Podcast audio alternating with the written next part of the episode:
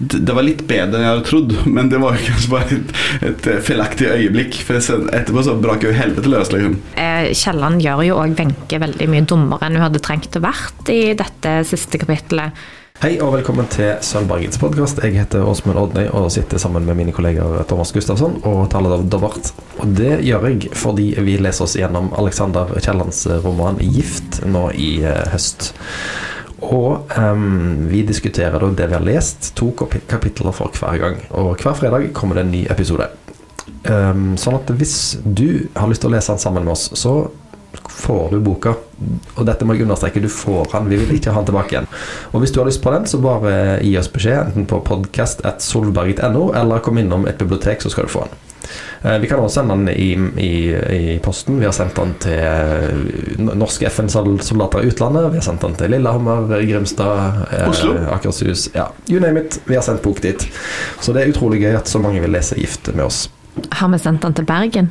Eh, vi har sendt den til Bergen òg. I dagens episode skal vi da diskutere kapittel fem og seks. Eh, og hvis du ikke har kommet så langt i din lesning av Gift, eller alle allerede ikke har fått boka ennå, så råder jeg deg til å få tak i boka, og så sparer du opp podkastepisodene til du er à jour med oss. For da får du maks utbytte av eh, den episoden. Først av alt, før vi begynner på dagens eh, kapitler, så må vi innom et spørsmål som vi tok opp i forrige episode. Nemlig matteoppgavene som lille Marius og de andre stakkars elevene får i kapittel 3, nærmere bestemt side 50 og 53. Og eh, vi som sitter her i studio, bør jo aldri gis eh, en eneste oppgave som, som omfatter mer enn den nederste delen av den lille gangetabellen.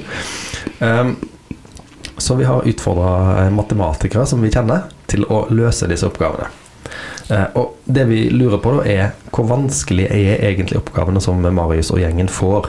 Er dette noe vi burde klart, vi som er voksne og eh, i hvert fall eh, kan litt matte, eller er det dritvanskelig? Ja, den ene oppgaven på side 50 handler om Pythagoras, som skal forklare hvor mange elever han har. Vi sendte denne oppgaven til en venn av podkasten som har doktorgrad i matte. Han kom med et svar, men sa at sjøl han med sin doktorgrad ble litt forvirra. Og jeg sendte jo dette spørsmålet til en mattelærer jeg kjenner på videregående, og han, eh, han kom til samme svar som han med doktorgraden, så det var jo bra at, at matteekspertene er enige. Eh, en annen kamerat av meg som har masse realfagskompetanse, han skrev at eh, dette var vel egentlig vel så mye en norskoppgave som en matteoppgave som disse elevene får i, eh, i gift, altså språkforståelse, rett og slett. Og det er jeg jo enig i.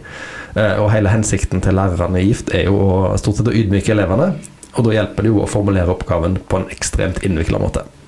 Jeg bare spør nå, Er det sånn ennå at uh, matteoppgave For når jeg var liten, så var matteoppgave altså, det, var, det var som du sier, en, en del av det var å se hva de faktisk spurte om. Og ikke liksom bli Er det sånn ennå? Eller er det mer sånn at nå får du bare sånn eh, Du får masse tekstoppgaver i dag òg. Ok, ja. Ja.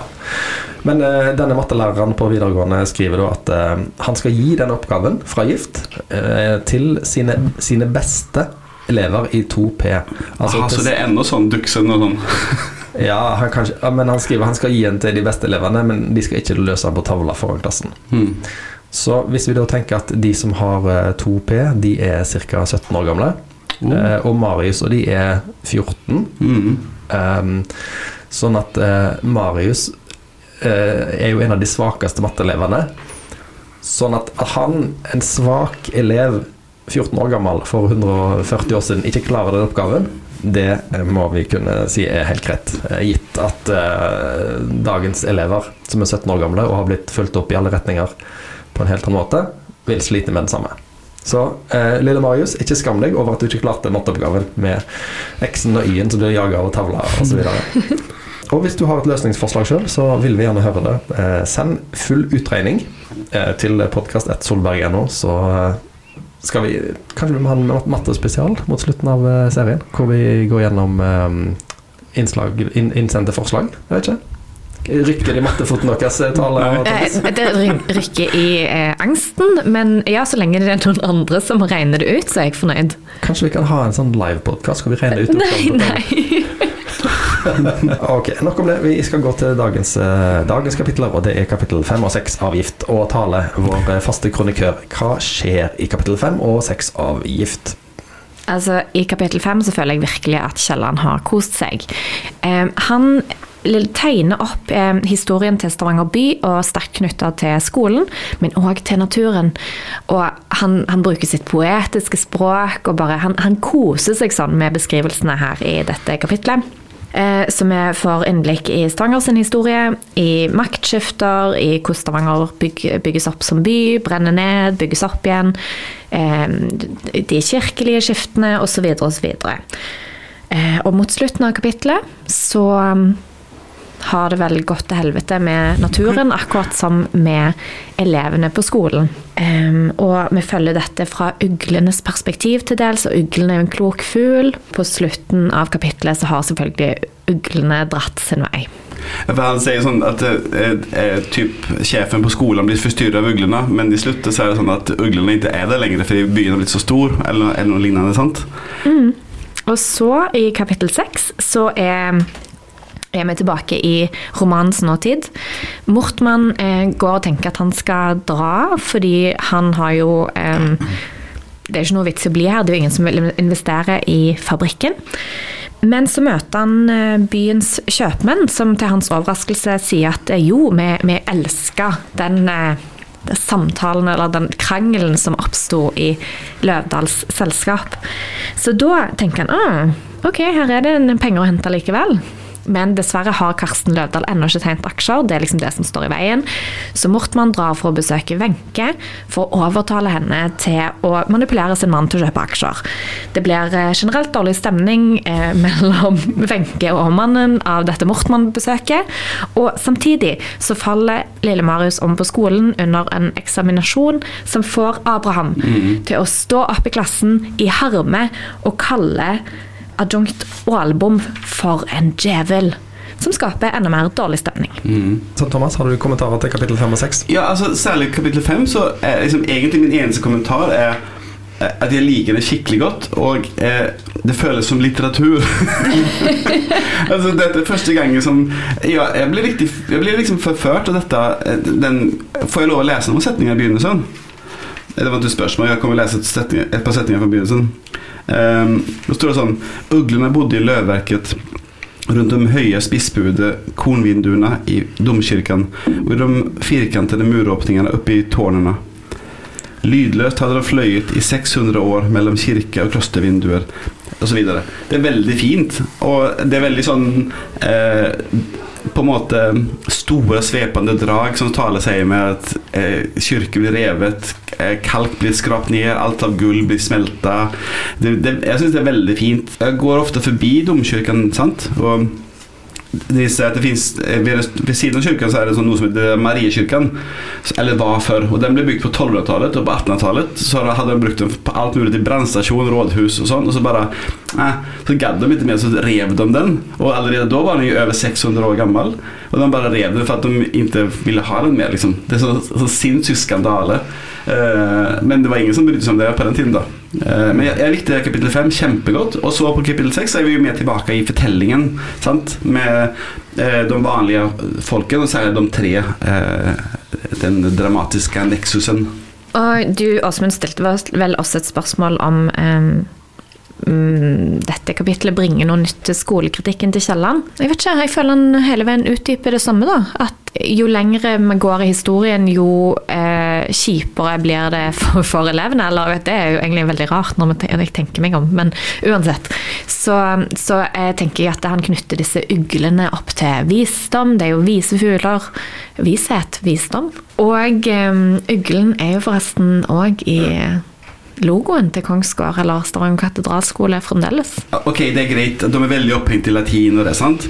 Og det eh, eh, kommer jo fram på, på, flere plasser. Sånn at eh, Sånn som til eksempel så står det sånn eh, De må lese Tacitus, til eksempel. Uh, finnes, altså for å stå sånn For selv om det er et så fantastisk språk, så i mange hundre år, da all lærdom hadde levet i dette skjønne og utviklende språk, var det underlig nok ikke frembrakt noe på latin som var verdt å lese. så liksom, selv om det språket har funnes så lenge og er så fantastisk, så er det inte en dritt som har skrevet noe verdt å lese siden Tacitus på, på liksom, tonetallet, eller noe. sant? Mm. Men den setter jo også søkelys på kanskje et problem som skolen har. fordi jo lengre, altså, jo nærmere romanens nåtid du kommer, jo større problemer blir det i skolen. Fordi det er så mange elever som òg faller fra. Så han understreker jo òg liksom, hvor lite viktig latin er eh, for eh, det faktiske livet. Og så føler jeg òg at denne nærheten til naturen som han beskriver Um, naturen er litt som Wenche. Det er det rene, det, det vakre, det, det liksom energirike livet. Uh, og når det forsvinner fra skolen i form av disse fuglene, så um, er det et tegn på at skolen virkelig er i ferd med å falle sammen. Vi har alle lært på skolen at eh, Kielland er en del av realismen, sant? som handler om å sette problemer under debatt. Men akkurat sånn som du sier, så er jo dette en veldig sånn romantisk forestilling om hva som er bra i livet. Eh, at eh, det naturlige, det, liksom det lekne, det der eh, Det er en veldig fin skildring i kapittel fem, syns jeg, av, av, elevene sin lek på skoleområdet når det ikke er undervisning. Sant? Jeg fikk liksom ja. lyst til å springe rundt og være åtte år og leke politi og røver blant sånne gamle ruiner igjen. Det syns jeg var utrolig bra skrevet. Sant? Vi har blitt vant til denne valsen som jo gift er. Kapittel én i, i klasserommet. Kapittel to de voksnes verden, delvis. Kapittel tre på skolen. Kapittel fire de voksnes verden. Da forventer jeg kapittel fem. Ja vel, nå skal vi i klasserommet igjen, og noen skal bli mobba. Nei da, da er det noen jævla ugler som holder på. Eh, og det er, helt, det er, så kult. Han, han, han, trekker opp et sånn Han har jo hatt et ganske sånn klaustrofobisk perspektiv på, på um, dette universet i de fire første kapitlene. Men så bare her, her snakker vi liksom 100 år 600 år er liksom, liksom lerretet. Han går fra å snakke om noe som er på ei fyrstikkeske, til å snakke om noe som er i en reisekoffert. Altså Han bare utvider spennet så sinnssykt. Og det tenker jeg er da, Der vipper han meg av pinnen, iallfall. Altså det, det der um, Alle som underviser hvordan du skal bli bra på YouTube, snakker om disruption. Du er nødt til å liksom nullstille leseren eller seeren sin oppmerksomhet innimellom med noe sånn her What? Hva skjedde nå, liksom? Og disse uglene og disse 600 årene og denne, dette perspektivet på denne eh, helt ukjente byen som ikke blir kalt Stavanger. Mind you, han blir ikke kalt Stavanger i boka, men vi kan jo tenke vårt. Det syns jeg var utrolig forfriskende. Kapittel fem er første gangen som jeg har lest bare sånn at det bare fløt igjennom uten problem for meg. Altså Jeg har ikke klart helt å være sånn eh, Jeg er litt sånn rastløs. sant? Så For meg har det vært sånn hopp, gjør noe annet, og så leser jeg litt til, og så gjør noe annet. Men her i begynnelsen med kapittel fem så var det sånn det bare Dette var jeg veldig interessert av. Det, det, var, det, fun det funker kjempebra på meg. Ja. Mitt liv er jo sånn at eh, på fredagskvelden så sitter jeg gjerne i en stol og ser på det som NRK har på skjermen, mens jeg leser løser A-magasinets kryssord. Eller jeg, jeg, løser så langt jeg kommer før jeg ikke gidder mer. Men etter jeg hadde lest dette kapittelet, kapittel fem av Kielland, da førte det til at jeg satt og leste denne boka jeg holder opp for dere nå, som heter 'Stavanger fra våg til by'.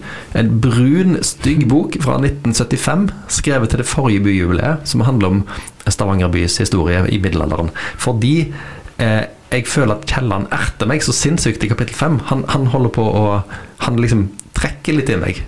Uh, og jeg får meg til å tro at det er Å, dette er bare et slags kryssord. Jeg skal bare finne ut uh, uh, hva er det i denne boka her fra 1975 som Kielland henviser til i, i sin gjennomgang av kapittel 5. Og, og samtidig så tenker jeg ja, men han skriver jo en roman.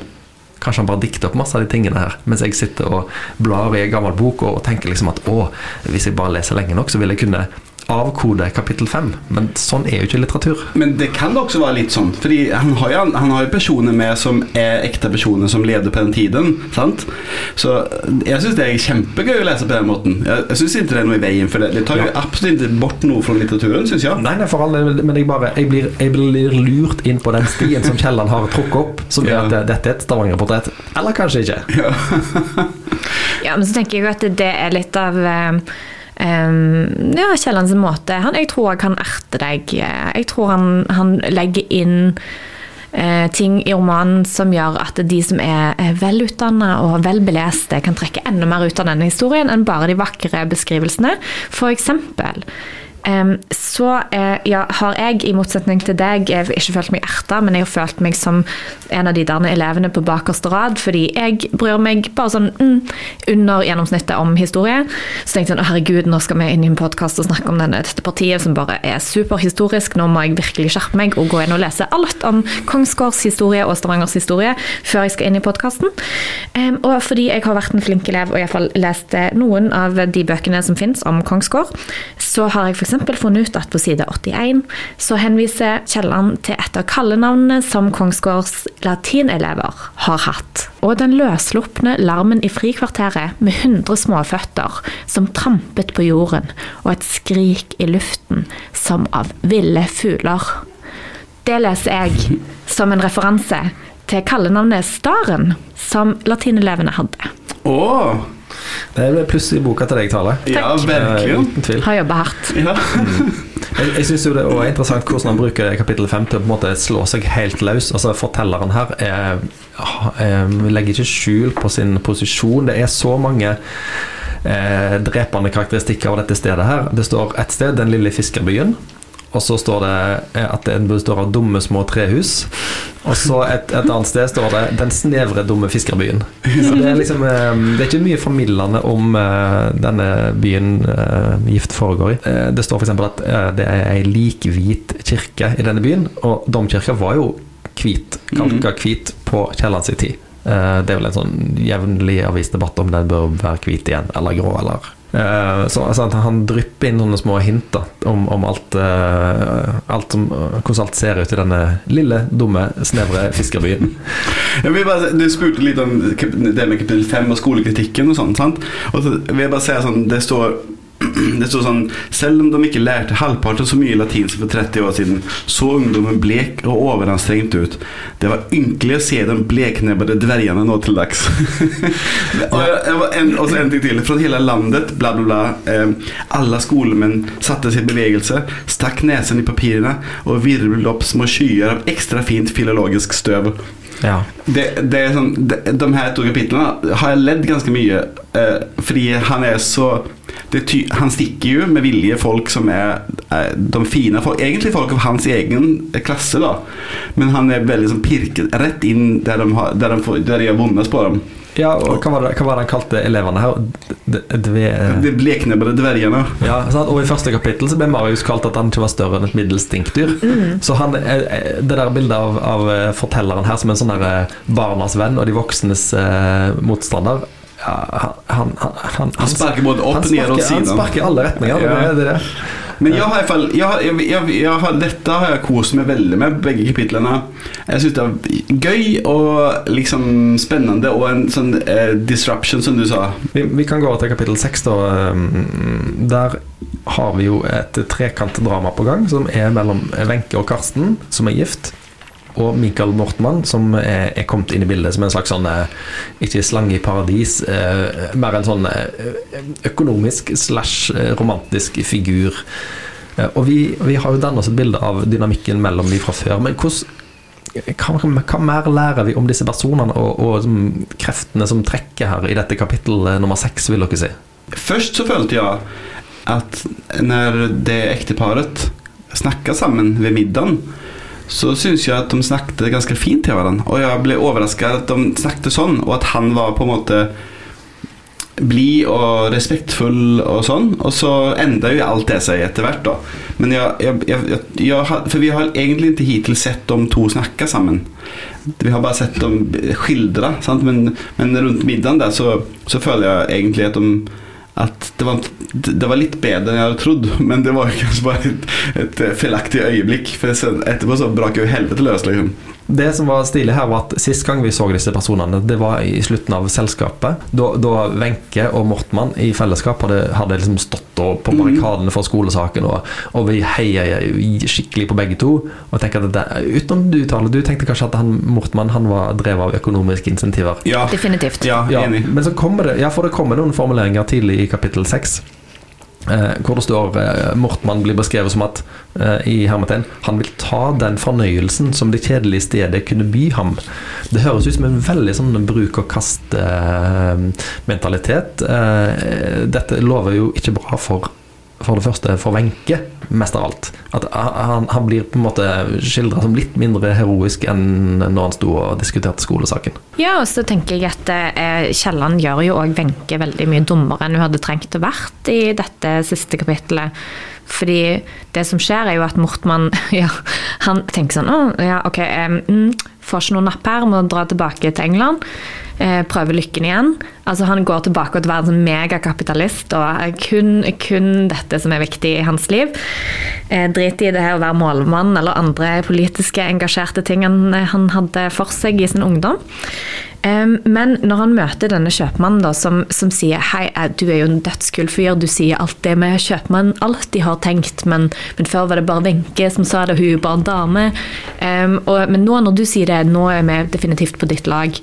Uh, eneste, og Han identifiserer igjen hans eneste problem er at Karsten ikke har tjent aksjer. Når han får til det, da kommer han til å bli rik, og far kommer til å bli fornøyd. Hvem er det som, står, hvem er det som har pengene i dette forholdet? Det er jo Wenche. Men det er også likt jeg Men jeg er jo jeg er en veldig snill lesere, og jeg, jeg, jeg gir folk mye sånn leeway, liksom. Jeg, jeg, vil jo ofte at de skal være bra folk. Og, jeg, jeg, føler jeg leser han eh, er han heter nå igjen? Mortmann. Som at han dras litt mellom de to tingene. Jeg, jeg føler ikke at han bare er ond, jeg føler at han dras mellom det gode og det onde. Og at han jo er veldig sleip når han er i det kapitalistiske eh, mindsetet, men at han også er har de gode sidene, på en måte. Og så likte jeg veldig godt med Karsten at han sier til fruen det er jo dine penger. Liksom, at, at, det er sånn at Han har ikke bare okkupert det og sagt det, gjør hva jeg vil med dette. Han sier eh, til henne Hun spør hvorfor han ikke kjøper noe, så sier jeg ja, det er jo dine penger. Og det likte jeg da. Eh, ja. Ja, men da er det litt sånn Å ja, men det er jo dine penger. Og så er det sånn Å nei men, nei, men det er jo ikke mye. Det er jo dine penger. Og det er jo dine penger. Den setter jo opp et sånn skikkelig sånn åh. Men det tror jeg Det føler jeg sånn måten man leser det på, da. Og jeg leser det sånn at han eh, anerkjenner åpent liksom, innenfor fruen og sønnen at det, det er ikke mine penger, det er dine penger. Liksom. Jeg, jeg likte det med han.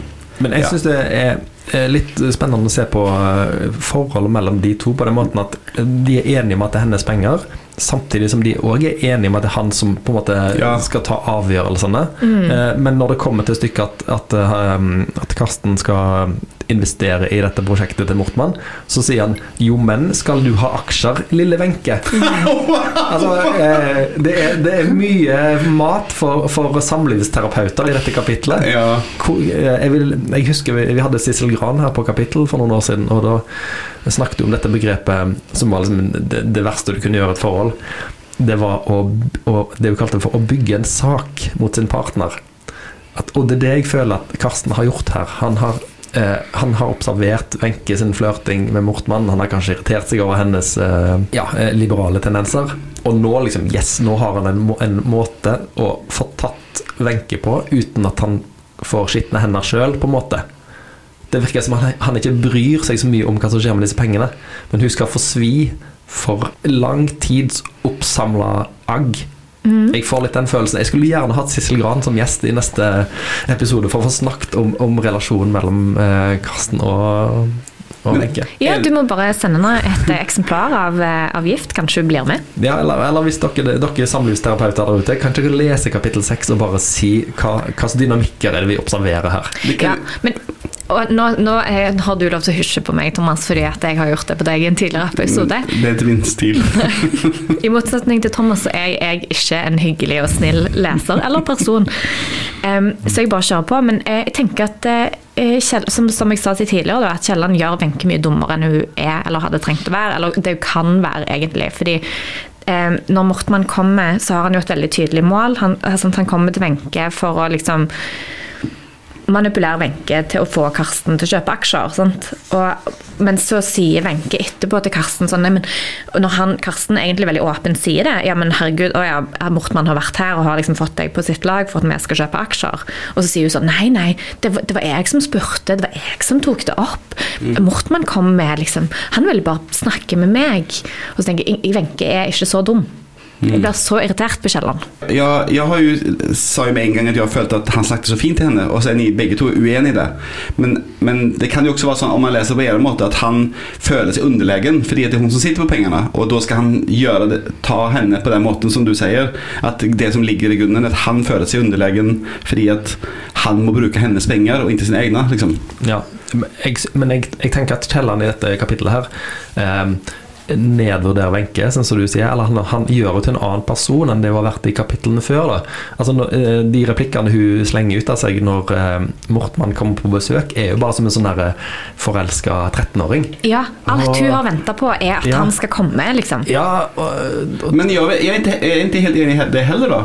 Men, men jeg, jeg, sier ikke at jeg har rett eller ni har rett, Men jeg, jeg føler at hun har savna noen å snakke med. Det, det, det, det, hon, det, är det, Källan säger för mig. Att hon har savna noen som, som er, har hennes meningar og som er på hennes intellektuelle nivå. For mannen er, er veldig han, er, han er, gammel i hodet, selv om den er så gammel i kroppen. Liksom. Så er han veldig konservativ og kjedelig. Mens han, som hun, den personen hun kjente da hun var ung, som nå kom tilbake, som hun først var skuffa over og sen viste fram sitt gamle jag. At hun savnet en sånn person. Hun har vokst opp i sånt der intellektuelle lag. Sant? Og så når hun endelig får en, en, sån, en glødende person. Så jeg tror at hun er mer enn villig til å bli litt forført eller litt sånn lokka med. For hun syns det så, har vært så gøy å endelig få bruke hodet og stå fram for å være noe. Liksom.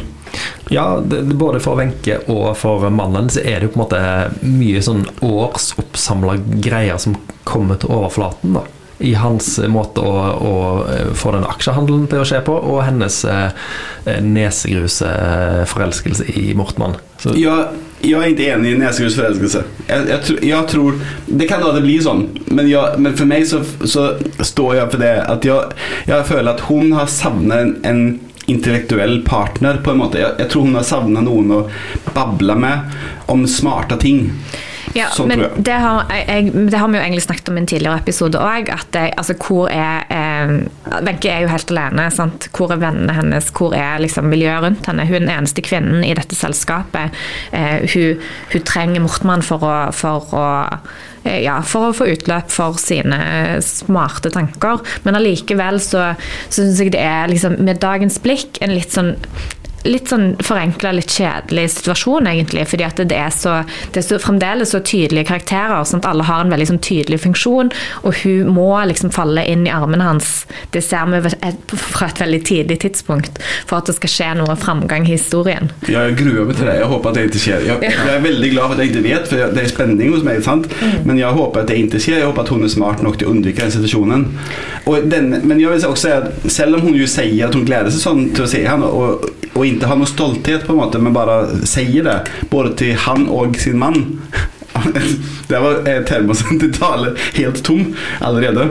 Eh, så, så føler jeg at det var mindre forelskelse eller kjærlighet. Jeg, følte at denne gangen så var hun likte han fordi at de hadde hatt det så gøy, eh, tenkte jeg da. Mm. Men, men eh, Wenche er på en måte fortsatt på fest i hodet sitt når hun treffer Ja. igjen, mens han er liksom gått videre. Han Ja. er, nå er han på eh, aksjer og, og sånn eh, forretning. Nå er jeg De er- skuffa, er fra Mortmann. Ja. De er litt på forskjellig sted i, mentalt eh, når de møtes igjen. Og det vet ikke hun om helt, sant? Nei, hun har ikke kommet dit ennå. Kanskje hun kommer ikke dit i det hele tatt. Og så slutter jo kapittelet med en, nedtur eh, igjen, på en måte. At eh, eh, vi har dette utbruddet til eh, Abraham på skolen.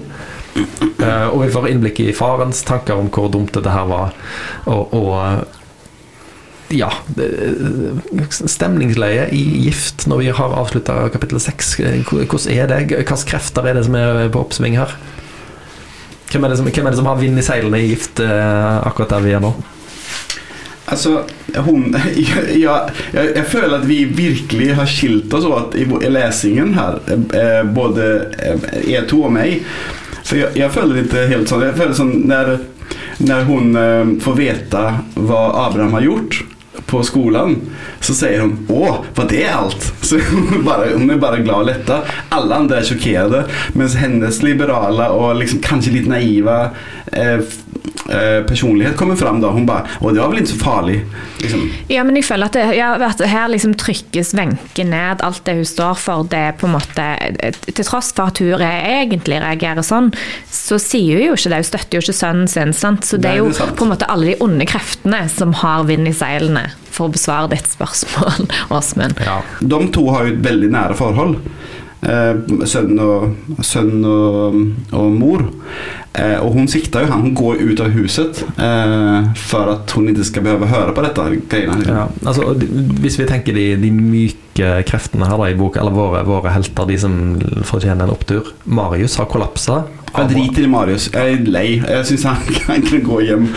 Jeg, trodde- jeg hadde tenkt at han skulle dø dette kapitlet. Okay, men, men Marius har uh, hatt en dårlig dag på skolen. Abraham har hatt en uh, dårlig dag på skolen og har blitt liksom slått hånda av av sin far. Og Wenche føler seg òg litt sånn knuga av hele situasjonen. Ja.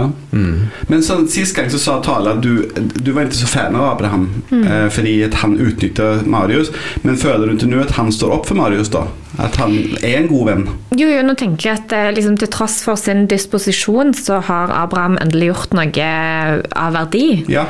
Og så blir han jo dessverre møtt av voksenverdenen på den måten som han blir møtt på. Eh, Jeg håper at det har en verdi for at Marius eh, liksom at han hører det. Eller han var han er besvimt og ligger på gulvet. Men, jeg, men det, jeg, jeg føler at han står fram. Og han tenk, det er også sånn skildret eh, For Marius blir lokket av eh, Abraham til å ikke gjøre leksene. Og de lekte i stedet for. Og så eh, suger han jo hele den dagen. Han, til, han, han suger så ille at han ikke ens kan latin lenger. Sant? Og så besvimer han på gulvet, og så tenker Abraham Tenk om eh, han stryker. Hur ska det gå för Marius då? Han, då? Då kommer inte han ha mig och, till att stötta sig socialt och faglig. Det kommer gå. Så jag føler at Abraham står fram som en ganske god venn her. Ja. Er, er vi enige om hvem som er hovedpersonen i Gift, sånn som det ligger an til nå? Er, Nei. Det er en ensemble-cast. Liksom. ja, men er, er det, det er jo Abraham som eh, måte, Ja. Der samles mange av konfliktene som tas Ja, opp. Godt poeng. Både både med foreldrene og skolen. Ja. Um, Og vi har fortsatt ikke aning om hvorfor Morten Bakstrever heter Morten Bakstrever. Og så vil jeg bare si en sak til innan vi avslutter, og det er at eh, han kjøper jo aksjer, eh, mannen. Hva heter han? Karsten. Og så sjekket jeg, forsøkte å sjekke opp hvor mye penger han köper aksjer for, og det er mange hundre tusen i, vår, i våre dagers verdi. En, en måte å regne på så ble det to millioner. En annen ble mange hundre tusen. Så han går og kjøper aksjer, og så er han sur etterpå fordi at det ble så dyrt. liksom. Ja. Ja. Mm. Sin tids uh, Sindre Finnes. Har, Ja, men han lyger ikke for sin fru om det. nei, det er sant. Nei, han gjør det for å straffe Han gjør for straff for. Kanskje Sindre også gjør det. Men ikke. vi har hatt et eh, spørsmål liggende i boksen lenge som vi ikke har svart på. Det var eh, dette fra Thomas da, om hvorfor han heter Morten Bakstrever, han som blir kalt det. Um, og hvis jeg skal gjette, eller, så tror jeg at det er en det er, Vi forbinder jo bakstreving med noe gjerne litt sånn ideologisk. sant? At du er konservativ, at du liksom er nostalgisk eller du henger ikke med i tida. Men jeg tror det, han kalles det av lærerne rett og slett som en slags hån. At du jobber for å bli dårligst mulig. Så dårlig er du at du liksom eh, Fighting to get last, liksom. Altså, Samme hva du gjør, så, så går det bare bakover med deg. Er han, er han dårlig? Jeg husker Ja, helt ja, ja. Ja, han han er- Han er vel et tykt esel eller noe sånt. Ja, ja, helt, helt forferdelig dårlig. Men det, det gir meg jo litt nyvunnen respekt for Morten Bakstrever. Da, at det, da, det er noe i deg hvis du liksom jobber så hardt for å for ikke følge disse forferdelige linjene som skolen setter, legger opp til. Nei, det er ikke det jeg mener. Jeg mener at han, Læreren mener at samme hva du gjør nå, så kommer du til å gå bakover. Du går ikke framover. Du, du, du, du har baklatte sko. Liksom, du, bare sklir ned i sumpen. Det er Ja, men min tolkning av Det er din tolkning. Ok, ja, det, er sikkert, det stemmer sikkert det, men så føler jeg at Morten Bakstrøver, som jo før har bare vært en sånn, et navn som blir kasta ut, nå eh, så stiger han fram som en slags eh, klassens helt. Ja, han, han han, og han, sånn. ja, han løfter opp Marius fra gulvet og er liksom en, en sterk person. Mm, enig. Eh, skal vi la det bli med det? Og så oppfordrer vi alle som har tanker om eh, samlivet, eh, som skildres i kapittel 5 og 6, send oss en mail da, til podkast.solberg.no. Gjerne bruk eh, fagtermer som dere har lest av Frode Thun eller Sissel Gran. Eh, så skal vi løfte fram eh, i neste episode. Anonymt, selvfølgelig. Hvis du bruker eksempler fra eget liv, så skal vi selvfølgelig anonymisere det. Men jeg er veldig interessert i å høre eh, liksom, eh, 2023-brillene på hva som Ja. egentlig foregår mellom Karsten og Wenche. Og hvis noen kjenner jeg vet ikke, Sissel Gran, eh, Frode Tuen, eh, Katrin Sagen altså Bare send eh, denne podkasten til de, og de er veldig velkommen i studio for å diskutere dette i detalj. Vi kan også reise där og med. Kjære et parlivsterapeut 53 år. At, uh, Vi snakkes igjen neste fredag, og da skal vi snakke om kapittel 7 og 8 og Gift. tusen takk. Snakkes da. Ha det! Ha det, og send oss eh, alt dere vil om eh, gift til podkast.solberg.no, så tar vi det med i neste episode. Og kanskje hvis noen har lyst til å komme som gjest for å snakke med oss, særlig hvis det er noen som er litt yngre, så må de også gjerne sende mail for å, for å komme og besøke oss i Eller komme studio. in eller komme inn og snakke med oss her på huset, det er også greit. Ja da, vi er med på alt. Hei da. Ha det!